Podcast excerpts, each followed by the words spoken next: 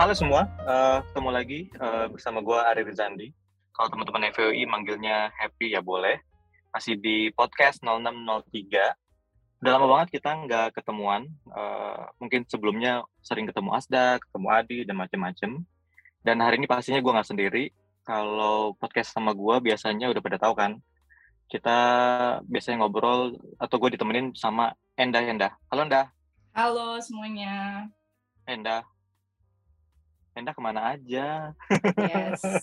Pertanyaan pertama selalu gitu. Gak ke mana-mana. Sibuk mencari nafkah. Sibuk mencari nafkah ya. Coba.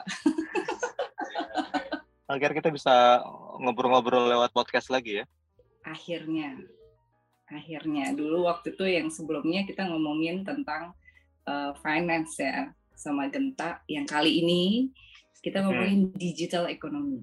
It's very interesting. Sama siapa Hap. Oke, mungkin kita panggil aja. Mungkin di judul udah pada tahu juga ya. Kita hari ini ada Ibu Rati. Apa kabar Ibu Rati? Silahkan memperkenalkan diri. Atau udah pada kenal juga sebenarnya. Halo, halo. Rati. halo, halo Om Hep. Halo Enda. Apa kabar semuanya nih? Senang banget baik. bisa datang jadi jadi tamu nih di podcast 0603. Ya, sama-sama Rati. Uh, gue gue Brigita Rati Esti Arianti. Um, 0603000184 c masih apa lo gue. Luar biasa luar biasa.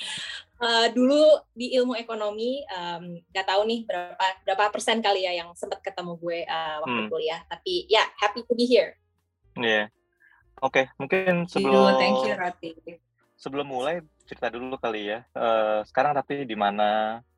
Terus uh, mungkin nanti nyambung dikit. Uh, dulu di kampus ngapain aja selain ketemu sama news, ceh nonton sana lagi. Ya boleh boleh. Um, sekarang gue di Google Cloud um, uh-huh. jadi Head of Government Affairs and Public Policy. Uh, nanti mungkin bisa cerita lebih jauh ya itu itu apaan sih sebenarnya. Terus kayak Google Cloud itu apaan sih gitu. Masih bedanya sama Google.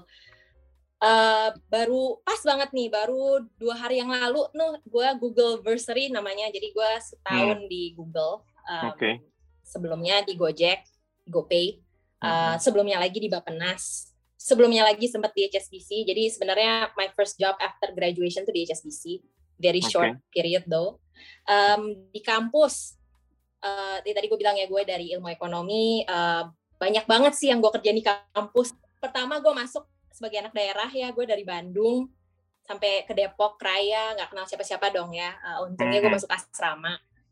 Jadi gue oh, anak iya asrama nih Halo hmm. semua anak asrama, apa kabar? uh, uh, terus uh, tahun pertama ya selain selain tinggal di asrama yang itu juga kayak pengalaman yang cukup menarik. Uh, gue sempat ikutan makernya Christmas, terus juga ikut oh, iya, beberapa benar. aktivitas uh, di kampus ya. Soalnya kan kalau di FE dulu kalau nggak salah kita baru boleh kepanitiaan ya, belum boleh ikut organisasi. Jadi gue tuh sempat ikut suara mahasiswa, tuh kampus uh, kampus punya koran dulu um, di suara hmm. mahasiswa gue jadi bagian marketing. Dulu makanya suka nongkrongnya di Pusgiwa waktu tahun-tahun awal. Um, terus kok panitiaan mungkin awal-awal sempat ikut FPW Cup. Terus begitu tahun kedua karena gue sempat jadi LO-nya Career Days, gue interested banget buat join ISEC. Jadi gue dari tahun kedua sampai lulus di ISEC Uh, dan tahun ketiga nggak tahu mungkin pada ingat atau enggak gue tuh sebenarnya cuti karena gue ke Jepang pertukaran pelajar pertukaran mahasiswa. Uh, jadi setahun oh, iya? itu gue di oh. ya gue di Hiroshima setahun. Makanya hmm. um, itu tahun keberapa sih itu tahun ketiga. ketiga. tahun ketiga, oh, ketiga iya jadi gue habis jadian terus gue tinggal deh itu kan pacarnya. Gue ke Hiroshima setahun. Uh, jadi cita-cita awal tadinya tuh ambisinya mau banyak ambisinya. Ambisinya mau jadi um, LCP-nya ISEC uh, terus mau jadi apa namanya mau lulus tiga setengah tahun gitu ya. Cuma kan terus akhirnya gue ambil program um, student exchange. Student exchange itu, itu dari ISEC ya? Apa kenapa? Lu student exchange itu oh, enggak, program ISEC enggak, dari dari UI dari UI. sendiri uh, apply sendiri. Um, jadi, nih mungkin juga nggak tahu nih uh, seberapa banyak teman-teman di sini juga yang sama kayak gue waktu kuliah. Jadi kalau gue tuh waktu kuliah tuh rajin banget uh, apa namanya bacain mading-mading. Ya hmm. selain melihat nilai tentunya, tapi gue juga ternyata dapat banyak opportunity dari situ. Salah satunya um, apa namanya Hiroshima University Student Exchange Program yang dapat beasiswa juga dari UI. Uh, lumayan lah setahun di di Jepang. Um, terus juga sempat juga waktu balik dari Jepang selain nyelesain kuliah gue sempat kerja-kerja kecil-kecilan gitulah buat PT Erlangga. Jadi sempat jadi penerjemah juga di sana buat textbook textbook di Erlangga. Lumayan lah buat nambah uang jajan namanya juga anak kos. Terus ya itu ya I think that's it lah. Banyak banget lah. Pokoknya intinya waktu gue kuliah I think I had it all. It was a, one of the best chapters in my life. Belajar iya. Organisasi iya. Dapat pacar iya. Dapat suami. Luar biasa luar biasa. Waktu itu masih pacar pas kuliah ya. Untung lu nggak kayak drama Korea yang berakhir nggak jadi nikah. Lu berakhirnya nikah. Oh. Kan kan kalau gue ini kalau kalau gue prinsipnya tuh harus konsisten. Lo nggak nggak cukup ambisius cuma di uh, akademis atau di kerjaan. Dalam kehidupan cinta lo juga harus make sure you get what you want gitu. Luar biasa. Ya, tapi uh, biasa. menarik juga ya Nda. Maksudnya gue terus terang kok apa gue pelupa ya? Kok nggak notice kalau Rati sempat nggak ada selama setahun ya? Jadi untung juga nih ada podcast jadi bisa tahu juga ada ceritanya Rati pernah berangkat setahun ya? So kalau nggak salah lulusnya ya. masih tetap sama sama kita ya? Apa beda sedikit ya? Uh, gue akhirnya lulusnya bareng sama sebenarnya sama angkatan 2004 gue jadinya sama teman-teman 2004 Oh, berarti gitu. waktu, Jadi, waktu itu gue lihat siapa ya? Apa gue salah lihat? sih? nah lo. anyway. Nggak, atau kita tuh asumsi om. Jadi kita kebiasaan yeah, yeah. Kan news selalu sama Rati. Jadi kadang kalau ngeliat news tuh asumsinya Rati is around. Oh, yeah, yeah. Bisa jadi tuh. Iya. Yeah. Ya, yeah, actually was gone buat apa setahun ya udah lama juga kali have mungkin waktu itu lo ingat. Oke. Okay. Atau mungkin gini, dah waktu itu pas pas waktu wisuda kan News pakai toga kan, Ratinya belum kan. Gue pikir, oh Rati udah duluan nih, lulusnya kan tiga setengah tahun. Padahal harusnya malah tahun depan. Anyway, now we can connect all the dots ya. Self branding gue strong banget. Ya, gue waktu itu datang tuh wisudanya News dan gue masih mahasiswa. Oke, oke. Okay, okay. Lu asrama kan berarti uh, kalau nggak di asrama di kampus gitu ya uh, lu, lu pacaran juga di kampus terus dong ya ya jadi actually spend so much time di kampus tercinta FUI Iya betul betul banget tuh. Uh, kayaknya gue di asrama juga paling bandel deh. Ya kan anak asrama, apalagi kebetulan nih gue di asrama selantai sama anak, -anak PMDK apa sih namanya dulu PPKB. Jadi mereka kan yang rajin, pinter-pinter semua gitu kan. Sedangkan gue yang kayak kadang-kadang Pinter pulang juga. jam akhir 12 malam karena ikutan bisa aja ikutan, karena ikutan anak-anak JGTC pada nyebar poster padahal gue bukan anak JGTC kayak gitulah pokoknya I think I had a lot of fun juga sih waktu kuliah ya, pinter dan gaul ya Tih ya. Tapi lu di asrama pernah nggak ngelihat yang aneh-aneh gitu Tih? Kan katanya di asrama aneh -aneh di ya? danau tuh, deket danau. Ingat nggak tuh dulu mitosnya? Apa sih yang baju merah? Mau, Pas tadi mau ngomongin digital ekonomi jadi ngomongin serem-serem. Karena kalau boleh, boleh lanjut lanjut. Kita Iya kita semua jadi flashback gitu ya for what happened ketika kita lagi kuliah. Nggak pernah lihat etis ya, ya? Aman kan? Untungnya, untungnya sih aman dah. Cuma gue emang inget dulu waktu hmm. kita lagi OTB, OTB ya namanya.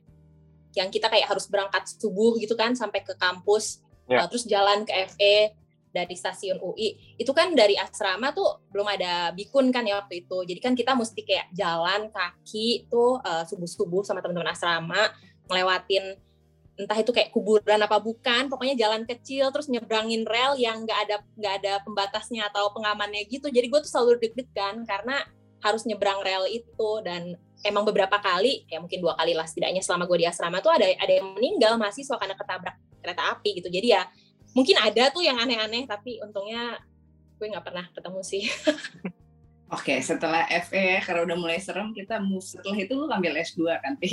Gimana tuh ceritanya? langsung dikat sama Enda ya. Segway-nya udah ya. udah mulai serem padahal gue yang nanya gitu ya. Gimana lo habis itu kan ngambil ngambil kuliah lagi bisa ceritain nggak tuh? Um, sebenarnya nggak langsung. Gue tuh sempet kerja ya itu. Tadi lulus terus gue kerja di HSBC um, 9 bulan. Tapi terus gue um, sebenarnya dari awal tuh pengen banget kerja di public sector. Jadi kerja di, di apa namanya? Di government lah. Makanya waktu itu Bapenas kebetulan buka terus gue apply gue masuk Bapenas. Selama di Bapenas juga sebenarnya gue kerjanya mungkin karena gue punya background ekonomi terus waktu itu fokus gue di moneter dan gue sempat kerja di bank akhirnya gue ditempatin di Direktorat Jasa Keuangan dan Analisis Moneter gitu. Jadi itu kerjanya kayak uh, bantu merencanakan sektor keuangan di Indonesia lah. seperti itu. Terus selama gue di Bapenas uh, emang ada kesempatan buat sekolah. Nah sebenarnya sih keinginan buat S2 itu ya percaya apa enggak itu udah gue bangun dari tingkat satu. Jadi ini gue ceritanya baru keterima di UI, tapi gue okay. langsung mungkin kalau teman-teman yang lain keterima di UI terus cari-cari kayak aduh nanti lulus mau kerja di mana ya. Nah kalau gue hmm. itu dari dulu mikirnya aduh habis ini gue mau sekolah lagi ke mana ya gitu. Jadi yang gue browsing browsing tuh website-website sekolah. Dan waktu itu sebenarnya um, okay. impiannya itu karena ada mafia Berkeley, gue pengen masuk Berkeley tadinya.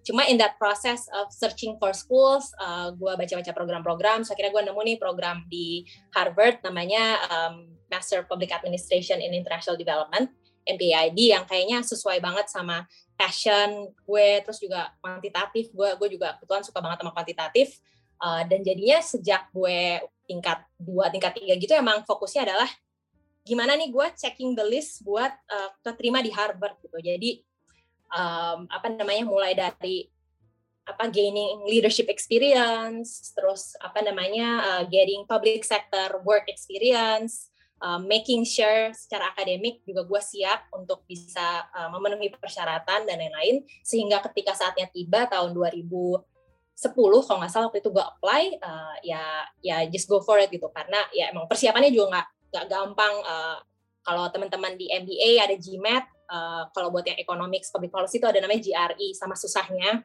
Cuma emang kuncinya mungkin disiplin um, latihan soal. Jadi dulu gue pulang kerja setiap malam tuh dua tiga jam latihan-latihan soal lagi uh, mirip kayak soal SPMB um, dan kayak latihan bahasa dan lain-lain uh, ya itu buat make sure uh, skornya oke okay aja sih buat buat daftar ke sekolah-sekolah itu. Terus um, ya puji Tuhan keterima.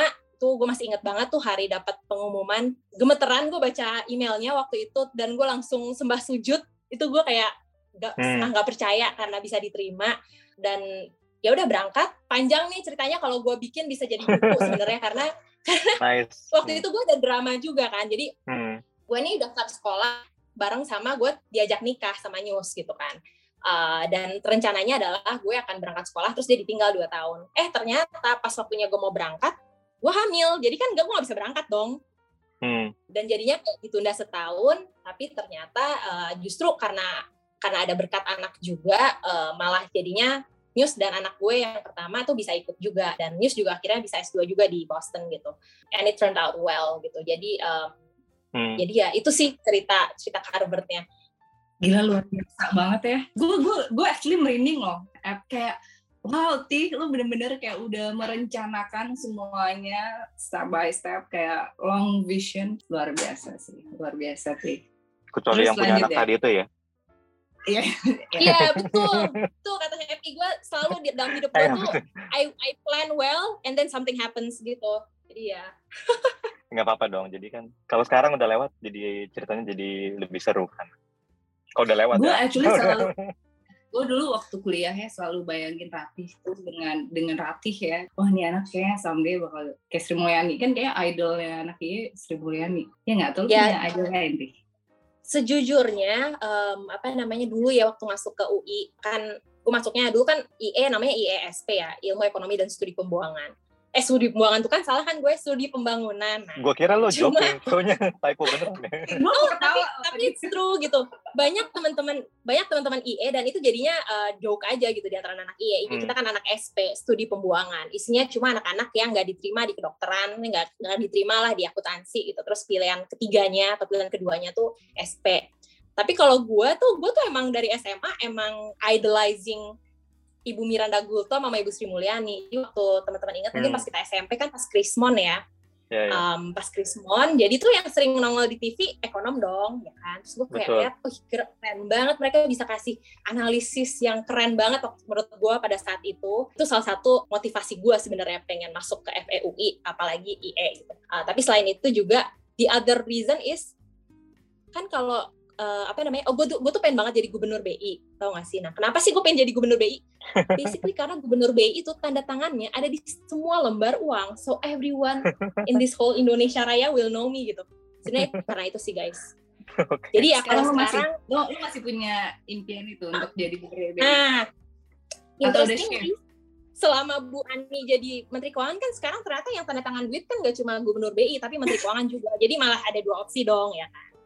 Gitu sih. Cuma lihat lu lihat perjalanan karir gue sekarang gue malah sempat kerja buat uang elektronik and then I reconsider right? Ya elah nih duit udah gak dipakai. Kalau jadi elektronik nggak laku dong tanda tangan gue gitu ya nggak sih? Jadi nggak sebenarnya goal lo adalah tanda tangan. Jadi whoever mau bisa menteri keuangan ya berarti lu bisa jadi menteri keuangan gitu ya. Jangan-jangan tadi gue kalau nanti di, masa depan masih ada uang kertas enggak? Jangan-jangan Rati malah pengen juga jadi pahlawan nasional aja kayaknya as a plan B ya. bisa dong. Eh, ya. Gak cuma pahlawan nasional tuh lo harus kayak meninggal dulu gitu loh baru lo dikenang. Tapi kayaknya lu pahlawan hmm. lu bisa kasih sedikit ini nggak kehidupan lo waktu di Harvard sebagai murid yeah. terus lu harus juga adjust sama culture di sana terus gue yakin ya sebagai uh, student di Harvard cek sama, itu pasti subi, sibuk, sibuk banget gitu kan terus lu punya anak juga how sama gue kalau gue gue tambahin sebenarnya nggak cuma punya anak tapi suami juga MBA juga kan ya nggak sih waktu itu Iya. Yeah. nah itu yeah, yeah, yeah. Sekolah gimana cara itu? gimana cara ngaturnya tuh waktunya Ya, uh, itu siapa yang jadi korban? Itu, siapa yang jadi korban? Diri diri sendiri gue, nggak gue tidur tidur. Kita semua kita semua jadi gak, korban. Kita nggak pernah nggak nggak pernah tidur atau gimana? jadi gini, um, gue bersyukur banget dan gue beruntung banget lah ada support dari News. Jadi News itu sebenarnya dia ngambil program MBA itu satu tahun. Tahun pertama dia full dedicated uh, full time father. Uh, and that was very very impressive. Gua gua sampai hari ini sampai kapan pun gua akan terus hutang budi lah sama Nyus. Uh, kalau misalnya dia nggak bersedia mengambil pilihan itu pada saat itu, gue rasa sih gue nggak akan nggak akan, Sorry, be different, ya. Ya. Ya, things will be different gitu.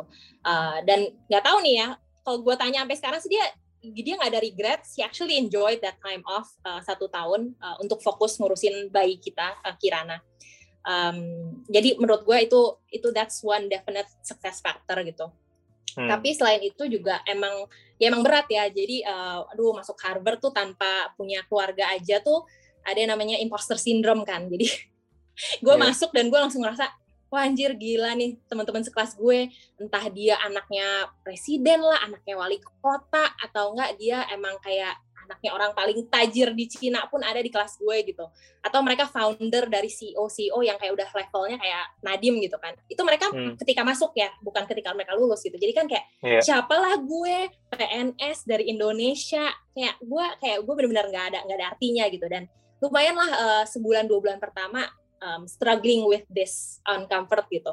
Hmm. cuma terus lama-lama uh, ketika kita ketika gue ingat banget tuh UTS pertama terus kita belajar bareng dan gue ngerasa minder kan kayak nih gue bisa nggak ya ujian uh, di di Harvard? Tapi ternyata pas belajar bareng nih sama cohort gue sama teman-teman kelas gue oh ternyata sama-sama aja kok. Ibaratnya um, dan ada salah satu profesor yang ngingetin gitu kayak kalian tuh jangan minder karena intinya kalau kalian udah dianggap diterima you you deserve this uh, yeah. and you will succeed gitu jadi um, apa namanya dan ibaratnya semua tuh balik ke titik nol aja walaupun mereka backgroundnya mungkin lebih strong dari siapa, gua ya sekarang macem, kita ya. semua betul sekarang kita semua sama-sama kuliah di Harvard ya udah jadi itu yang jadi wake up call gue oke okay, I can do this gitu uh, dan ya mungkin dengan persiapan ya walaupun stres juga uh, kalau lo lihat ya foto-foto gue waktu di Harvard gue tuh turun ya dari berat gue waktu gue hamil ngelahirin tuh 65 gue bisa di sana bisa 45 45 kg jadi gue turun 20 kilo guys karena gue stres banget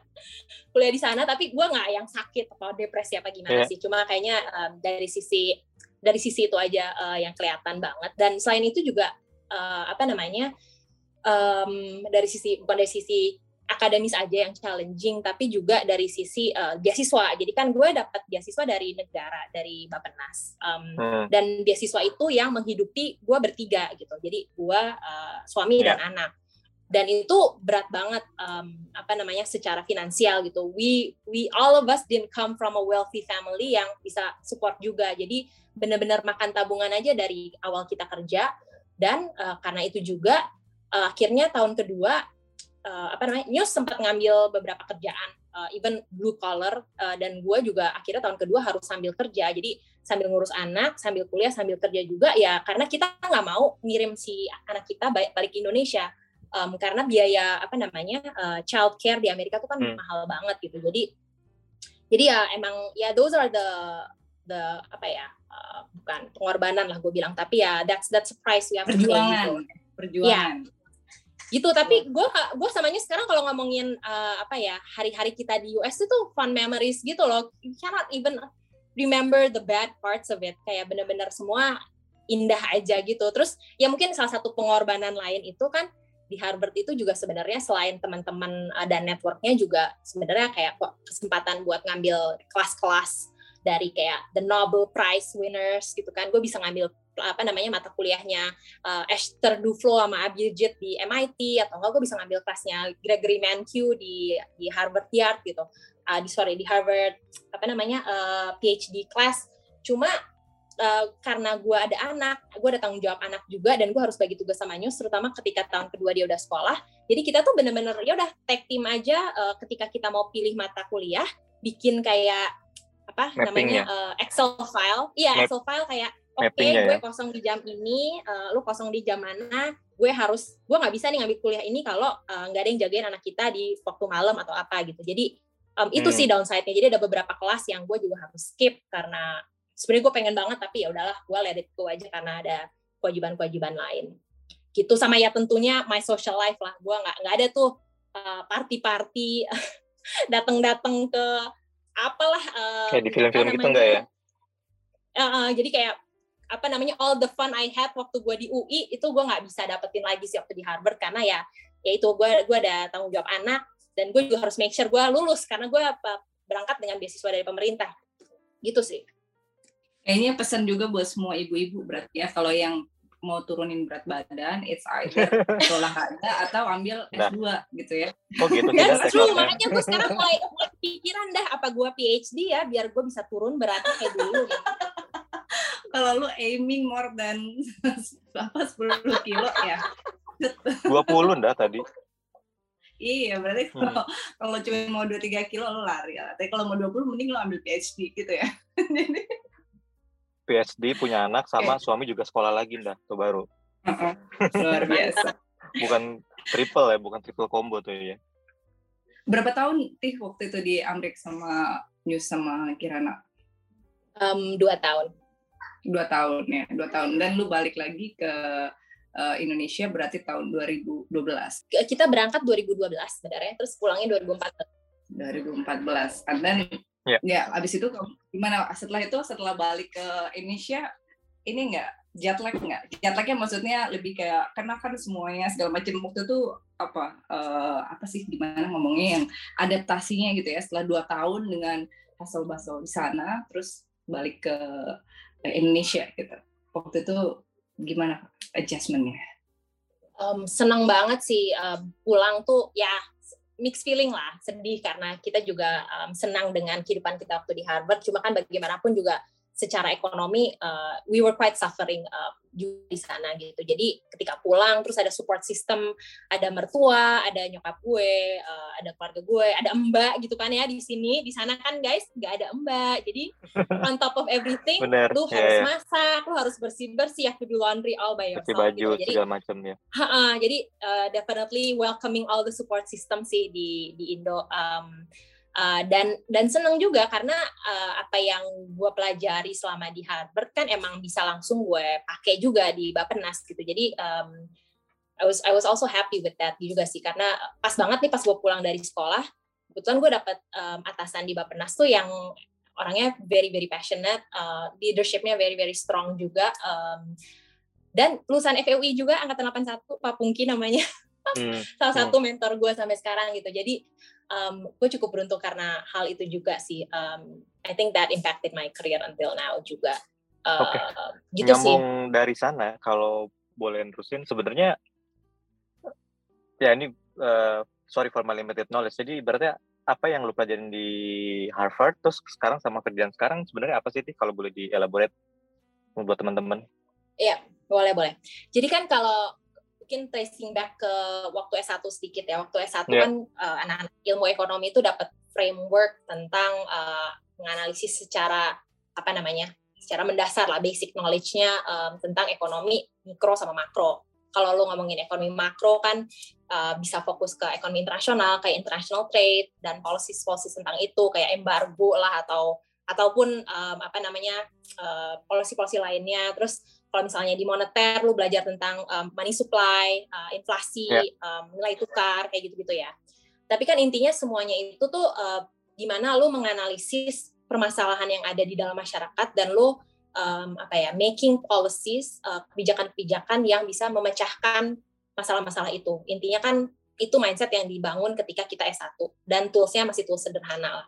Nah, ketika gue S2 fokus gue kan uh, masih di Public Administration and International Development yang sebenarnya tuh fokusnya uh, sama dengan ilmu ekonomi tapi mungkin dipertajam di sisi developmentnya. Jadi kita benar-benar uh, ngebahas tentang cases-cases um, apa ya kayak policy eh, sorry uh, poverty alleviation di berbagai negara di Afrika, di Amerika Selatan, di Asia pun termasuk uh, apa namanya bagaimana pendekatan dari pemerintah dalam memecahkan masalah-masalah yang ada di negara itu dan dimulai dari um, apa namanya kemiskinan lah ataupun dari krisis ekonomi berbagai periode krisis ekonomi juga dibahas tapi hmm. di di luar itu um, yang menurut gue sangat-sangat uh, bermanfaat dan yang gue pelajari waktu gue di Harvard tuh malah lebih ke negotiation um, sama apa ya public speaking kayak kayak lebih ke soft skills classesnya yang di Kennedy School tuh sebenarnya juga salah satu kekuatannya mereka even dibandingin Harvard Business School itu adalah kayak kelas-kelas negotiation, leadership, um, uh, apa namanya dan kayak building a politician kind of classes gitu sih. Hmm. Itu yang menurut gue relevan banget. Um, baik itu gue di Bapenas, jadi waktu gue di Bapenas kan sama kayak BI atau OJK yang fokusnya lebih ke ekonomi makro Indonesia. Um, apa namanya? Kalau di Bapenas tuh gimana kita merencanakan uh, pembangunan di Indonesia, baik itu tahunan di rencana kerja pemerintah maupun di uh, pembangunan jangka menengah. Jadi ada namanya rencana pembangunan jangka menengah nasional RPJMN. Kalau hmm. dulu teman-teman ingat nih, recall waktu kita SD tuh sebenarnya bacanya Repelita, Pelita satu, Pelita dua, Pelita tiga. Nah sekarang tuh namanya RPJMN dan itu yang dibangun sama teman-teman di Bapenas. Um, kayak contohnya sekarang di luar RKP dan RPJMN itu dibikin rencana tentang pembangunan uh, ibu kota negara yang baru itu juga Bapenas kan salah satu um, apa namanya yeah. ininya uh, think tank utamanya gitu. Nah, itu tuh semuanya basicnya sama dengan yang dipelajari di S1 dan S2. Jadi gimana caranya kita bisa bikin uh, kebijakan yang berbasis bukti. Jadi lo nggak cuma bikin kebijakan yang ini nih yang nguntungin buat gue, uh, buat partai gue misalnya, Teman-teman gue, biar gue gitu. Ya. bisa dapat, hmm. ya bisa biar bisa dapat banyak vote atau biar bisa dapat lebih banyak uang adalah kebijakan A. Ya udah kita kita do that gitu. Bukan hmm. itu gitu, tapi justru lo berusaha memahami banget uh, permasalahannya itu tuh apa sih sebenarnya apa sih binding constraint apa kayak bener-bener isu mendasarnya tuh apa yang berusaha kita pecahkan dan kemudian lo baru mikir sebenarnya sebaiknya intervensi kebijakannya itu seperti apa. Jadi evidence based policy jadi um, hmm. oke okay, yang gue mau tanyain uh, apa sih yang membuat lo punya interest yang cukup gede nih selain di area uh, public policy makers ya? Ngerti mungkin kalau ketika policy-nya work kan it's really rewarding. Kan not to mention ya risknya, pressure-nya atau mungkin salah-salah malah sebagian masyarakat malah jadi mendapatkan impact-nya yang kurang baik segala macam. Kalau lo apa nih? Kenapa punya interest di situ? Gue dari dari dulu mungkin dari gue masih muda, muda sekarang masih muda. Dari gue masih, masih muda SMA kok. gitu lah ya. masih lebih gue tuh gue selalu tertarik aja sih sama kayak baca cerita-cerita tentang kayak Lee Kuan Yew gitu and how his hmm, leadership hmm. can change a country gitu. Jadi kalau gue sih ngelihatnya selalu dari positive point of view bahwa intervensi atau kebijakan itu tuh bisa membantu gitu. Ya memang nggak ada yang sempurna dan betul, masih masih ada betul. yang bisa dibenerin. Uh, pasti akan dan dan tentunya seperti yang kita pelajari there's always a trade off right. Jadi pasti yeah. dengan satu keputusan yang kita ambil ada orang-orang yang akan menjadi korban gitu. Tapi tetap aja kita kan melihatnya dari the bigger uh, picture, Majority. it will actually help something gitu. Jadi justru gimana nih caranya dengan semua tools yang kita punya uh, multi multi ini ya multi namanya multi backgrounds gitu nggak cuma ekonomi tapi dari sisi sosial dari sisi uh, apa namanya politik pun uh, ini yang mana yang paling baik. Dan itu yang sebenarnya harusnya menjadi dasar dari pengambilan keputusan. Dan unfortunately kan di Indonesia dan mungkin di semua negara ya kalau gue bilang kebanyakan kebijakan itu nggak bukan evidence based itu ya lebih ke siapa yang kuat untuk mendorong narasinya mau seperti apa gitu. Uh, seperti itu sih. Dan itu dan gimana mungkin cara nge-balance ya Tih? maksudnya apalagi di pemerintah kan uh, mungkin stakeholdernya banyak. Dan ya ada yang ya gue nggak ada aja lah kan kepentingan-kepentingan yang kok rasanya kurang sejalan tapi gimana pun juga ini coming from ya you know gitu ya yang punya power uh, juga gitu ya. Itu gimana ngebalance ya? Sedangkan lu kan harus berarti do the right things gitu for uh, majority. Jadi serius ya ini kayaknya obrolannya Emang susah Nah, sih, dah. memang it's, it's not it, it's not the ya lo nggak bisa nggak bisa diselesaikan dalam waktu semalam lah. Makanya kita juga Iya, iya, iya. plus ditambah Indonesia orangnya ada 270 juta gitu. Kayak lo jangan pernah betul. bandingin ah ini kok kayak ah Singapura kok bisa Indonesia nggak bisa. Kita kan sama-sama di Asia Tenggara sama-sama orang Melayu gitu kalau dibilang. Beda scale-nya beda Indonesia lah ya. tuh besar banget ya skalanya tuh besar banget secara background masyarakatnya tuh plural banget gitu. Dengan nilai-nilai lokal kita juga yang kita benar-benar nggak bisa disamain dengan negara mana pun di dunia gitu. Jadi betul. memang susah untuk membuat kebijakan yang benar tadi ya tapi we have to start from somewhere kan.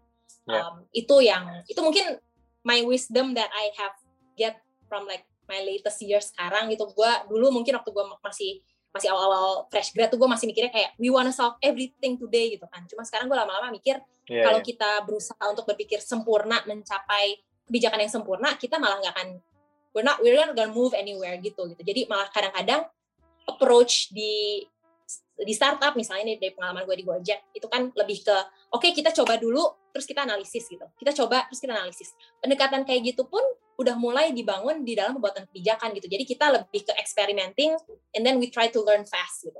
Iya, uh, daripada kita- perfection lah ya. Betul, daripada kita kayak lama-lama ngegodok kebijakan, terus kayak bikin uh, studi lagi, bikin studi lagi, tapi terus cuma jadi rekomendasi, nggak nggak ada implementasinya gitu. Jadi um, apa namanya kayak gitu sih dan dan gue menurut gue kayak evidence based policy making itu tuh sebenarnya nggak walaupun aktor utamanya adalah pemerintah uh, policy maker, tapi sebenarnya juga ada other um, apa influencing factors uh, termasuk private sector yang menurut gue um, cukup beneficial Nah, sebenarnya gitu. Itu makanya gue sekarang pindah ke private sector. Lu di Bappenas sampai tahun berapa sih?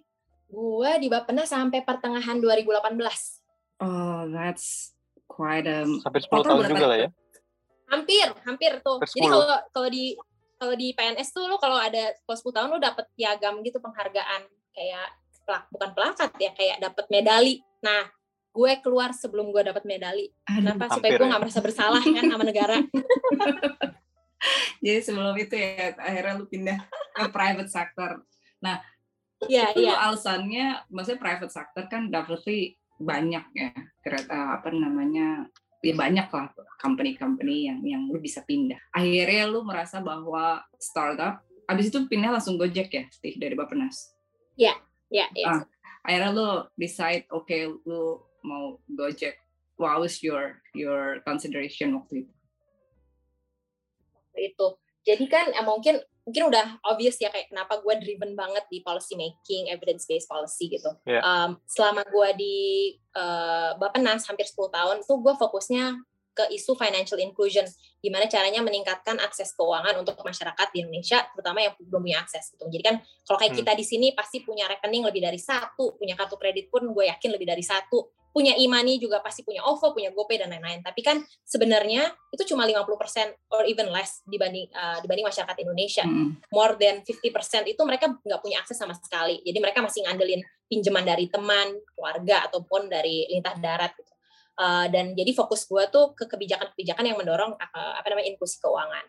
Dan ketika gue uh, mendengar bahwa Gojek terus dia mau bikin GoPay kan dan ngobrol Yeah. dengan uh, CEO-nya, uh, visinya itu bagaimana bisa memanfaatkan um, teknologi dan platformnya Gojek untuk meningkatkan akses keuangan masyarakat. Jadi Right. dimulai dari driver, merchant, um, sampai ke user UMKM. Indonesia yang yang ada ya UMKM dan juga uh, user-user yang masih belum bankable gitu. Itu sih yang bikin gue kayak wah ini ini seru nih dan it's actually still align sama kerjaan gue waktu di Bappenas. Um, dan kenapa gue pindahnya ke tech company sampai sekarang ya gue sekarang di, di, di Google uh, habis dari Gojek itu karena sebelumnya gue percaya bahwa salah satu medium untuk mempengaruhi um, atau memberikan impact to my surroundings itu lewat kebijakan.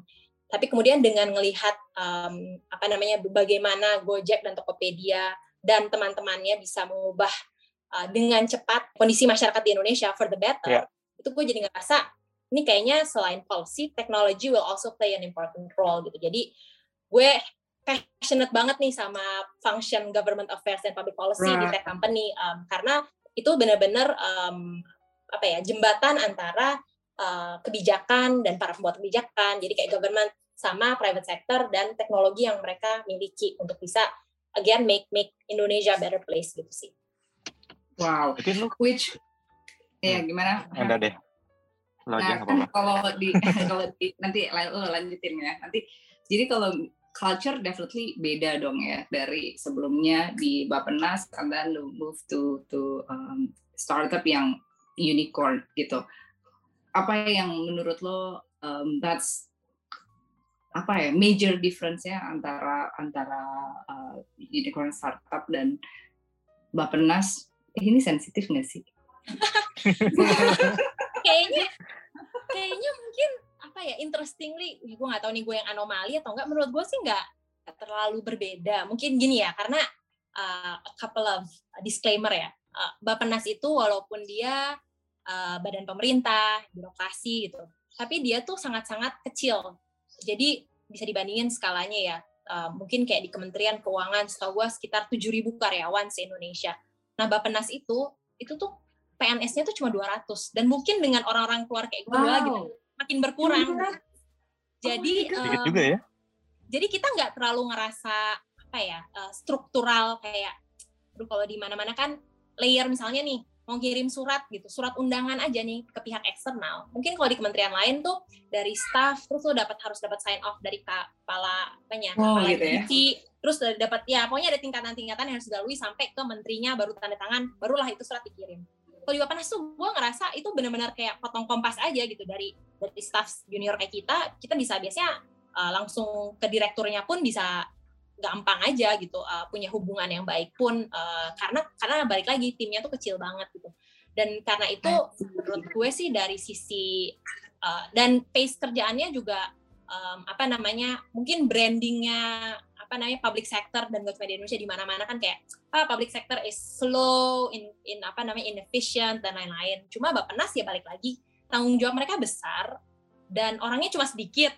Jadi sih sebenarnya dari beban kerja juga nggak yang santai pulang jam 3 sore gitu masuk jam berapa lah terserah gitu uh, dan gak ada absen. Teman-teman di Bapenas tuh mereka hard worker banget gitu. Jadi mereka bahkan Sabtu Minggu pada masuk kerja gitu um, apa namanya jadi menurut gue sih dari dari sisi beban kerja sih nggak terlalu berbeda sama di sama di Gojek. Mungkin yang berbeda tuh lebih ke apa ya ya beda sih um, gaji kali gaji mungkin dari ya. gaji beda fasilitas beda pada, terus pada kayak serius, serius banget lah kayak libur gitu kan uh, apa namanya libur dan fleksibilitas kerjaan berbeda. Tapi yang jelas nih mungkin ini salah satu uh, apa namanya um, apa namanya trying to be honest here gitu. Kenapa gue ninggalin public sector juga karena gue ngerasa gue terbatasi ruang untuk grow-nya gitu. Jadi uh, gue tuh ada beberapa kali kesempatan untuk bisa um, apa namanya berkarya.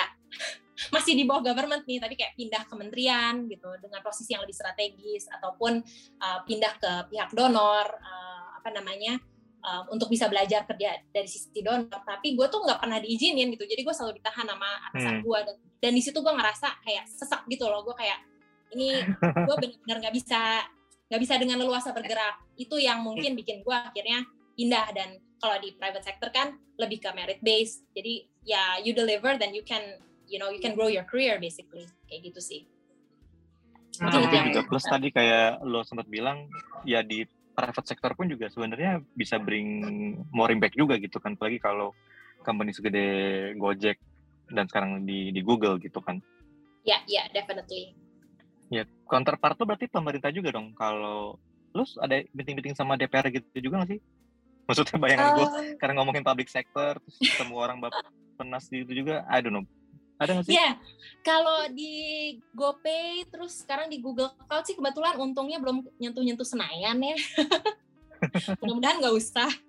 Tapi ya kalau misalnya suatu hari ada kebijakannya di level undang-undang ya mau nggak mau pasti akan ada hubungannya sama parlemen sama, sama DPR gitu. Tapi so far sih yeah. Ya. um, selama ini uh, diskusi-diskusi dan counterpart gue sifatnya masih peraturan levelnya masih peraturan menteri, peraturan presiden. Jadi ya masih ketemunya sama kementerian, DI, OJK kayak gitu sih.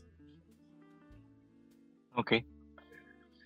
Oke, okay, ini uh, seru seru banget Indah. Jadi makanya kalau waktu kecil tuh kayak kayak Rati gitu ndah bacanya buku-buku Lee Kuan Yew gitu jangan nonton drama Korea doang gitu ya Atau drama Korea sekarang juga bagus-bagus eh gue juga nonton kali oh, ya sekarang dulu juga gue nah, nonton kalau, iya ini kan lu lu gue yakin cerita lo ini sangat inspiring ya ke gue juga gue kayak wow Rati very very um, apa uh, determined banget gitu orangnya kan lu uh, on your spare time lu biasanya ngapain sih? Kayak baca buku apa yang lu suka? I know, drakor gitu. No. mungkin ya, gue rasa sih mungkin karena waktu dari gue SMP SMA gitu gue lumayan driven anaknya ya. Jadi sekarang gue malah kayak nggak ada lo baca buku and I'm I'm ashamed of myself. Mungkin gue harusnya baca lebih banyak buku ya kayak teman-teman yang suka pada posting di kayaknya kayak this is my 10th book of the year. Gue jarang banget baca. Uh, that's something I'm trying to change jadi gue lebih sering kalau nggak main sama anak gue ya nonton Netflix beneran deh wow. nah lagi juga kalau lo dengar cerita dia kan kayaknya tuh every year is already tight ya kan mungkin sekarang agak relax dikit nggak apa-apa kali Indah kalau makan makanan beda kali sih. Makan lu apa sih? Kayaknya makanan yang beda kali. Kalau misalnya hobi mungkin makanan lu beda kali. Makan makanan favorit gue cilok sama cireng dah. Mungkin kalian kurang makan cilok. hmm, mungkin harus kita kasih tahu anak kita om banyak-banyak hmm. makan cilok, makan cireng, sama micin, makan Netflix. gitu ya. Ini uh, mungkin sebelum kita menuju ke bagian agak belakang, ini kalau if you don't mind to share nih, kita juga pengen tahu ya, mumpung ada lo juga nih. Ini kira-kira habis pandemi, what's your view? Nggak tahu apa pun itu, what's your view? Kalau lo boleh share yang konfidensial sih ya mungkin jangan, tapi mungkin just what's what's your view? Ini pandemi yeah. bakal seperti apa sih setelah ini kira-kira? Kayaknya kalau jawaban pastinya cuma Tuhan yang tahu ya. gue sendiri juga eh, sekarang masih crossing fingers ya. Maksudnya uh, yeah. kalau kita ngelihat traffic di Jakarta, things seem to be getting, getting back to normal. Um, cuma yeah. you never know kan, masih ada lebaran gitu ya. Bukannya kita berpikir buruk, cuma ya again you never know what's coming. Um, cuma kalau kita mau berpikir lebih optimis, um, kira-kira ke depannya uh, kan selama pandemi kan uh, memang uh, banyak hal-hal dalam kehidupan ini yang berubah uh, dan go digital, uh, bertransformasi secara digital lah bahasa bagusnya gitu. Um, yeah. Apa namanya? uh, terutama yang terasa banget kan dari sisi work from home sama school from home gitu. Uh, kita kerja pada dari rumah semua, anak-anak juga sekolah akhirnya dari rumah.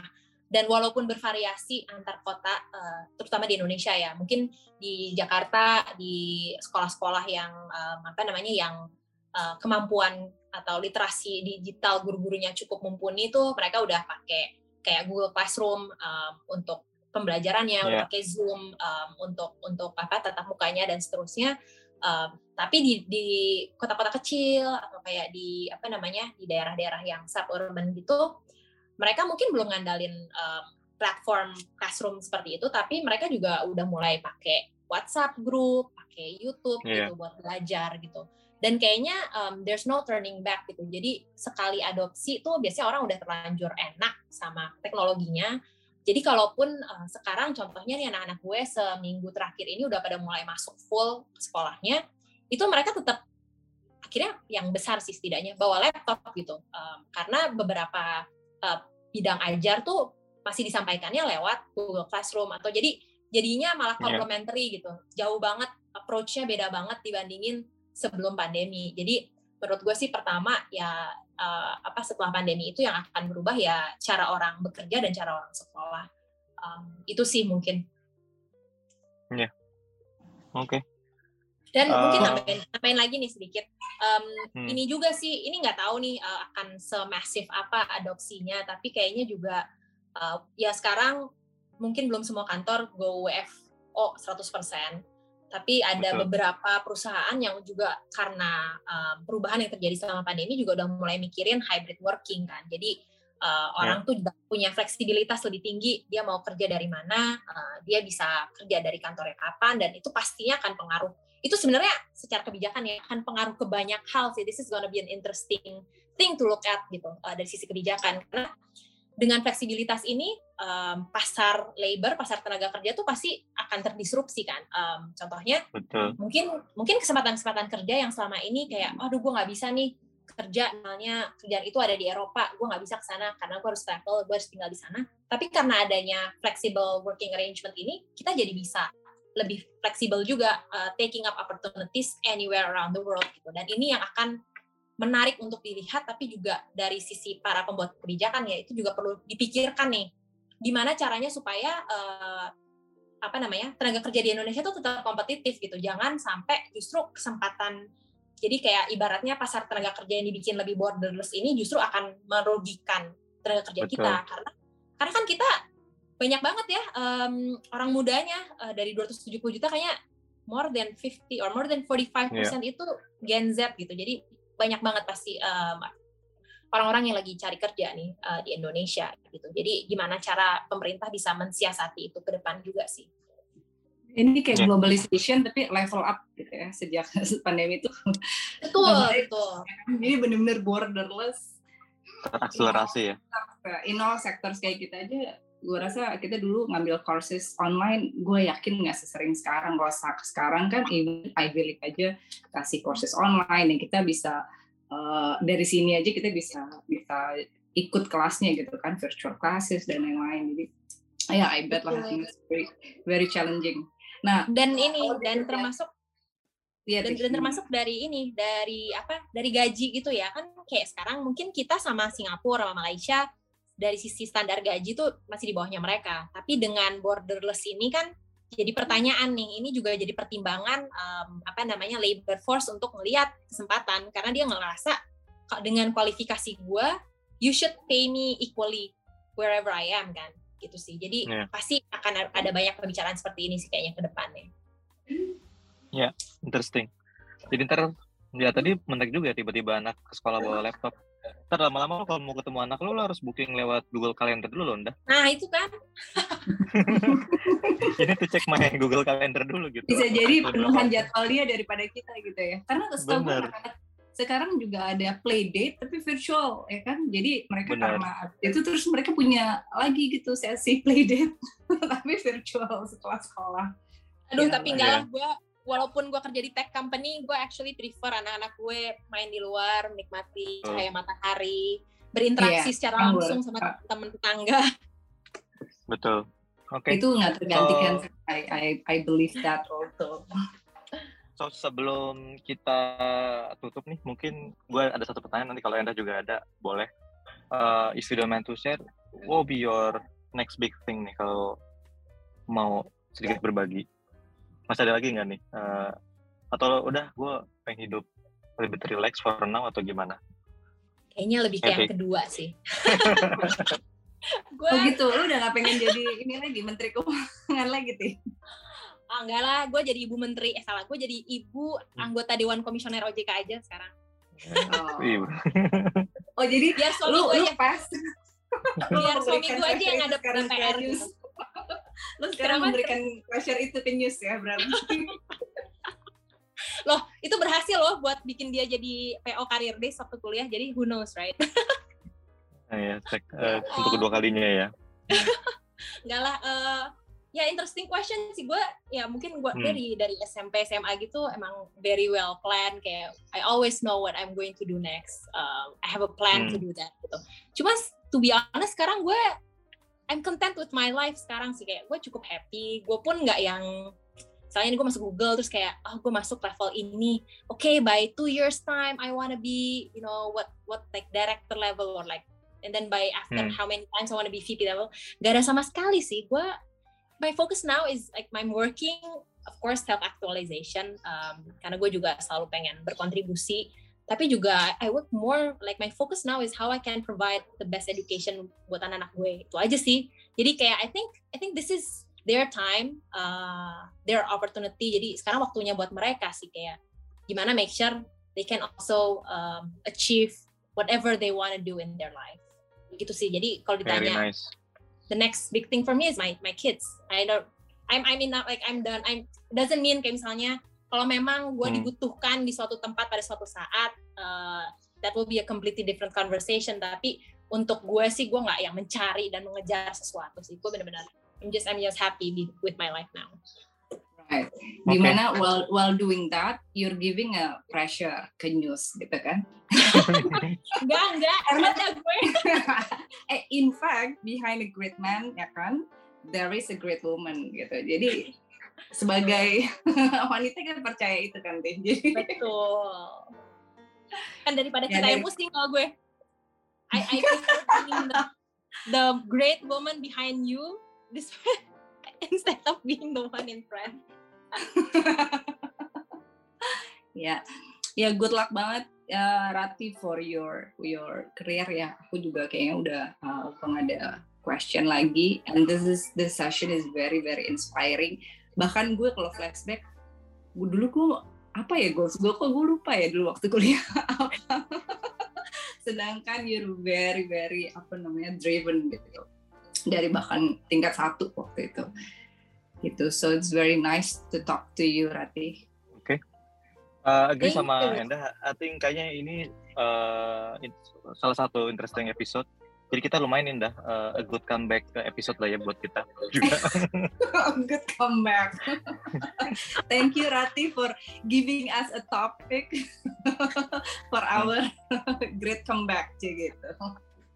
Tapi No, you. kita harus cari waktu juga nih Indah biar kita juga selalu available biar bisa gantian sama Asta sama teman-teman yang lain. Anyway, uh, sekali lagi thank you Rati for your time. menitipkan message. Menitipkan message di episode ini sih. Kasih pressure ke gue ya sekarang. Oke Rati, thank you for your time. Uh, Thank Apa you. namanya? Apa hari ini cukup seru dan padat as- seperti yang tadi as- just like your life juga gitu.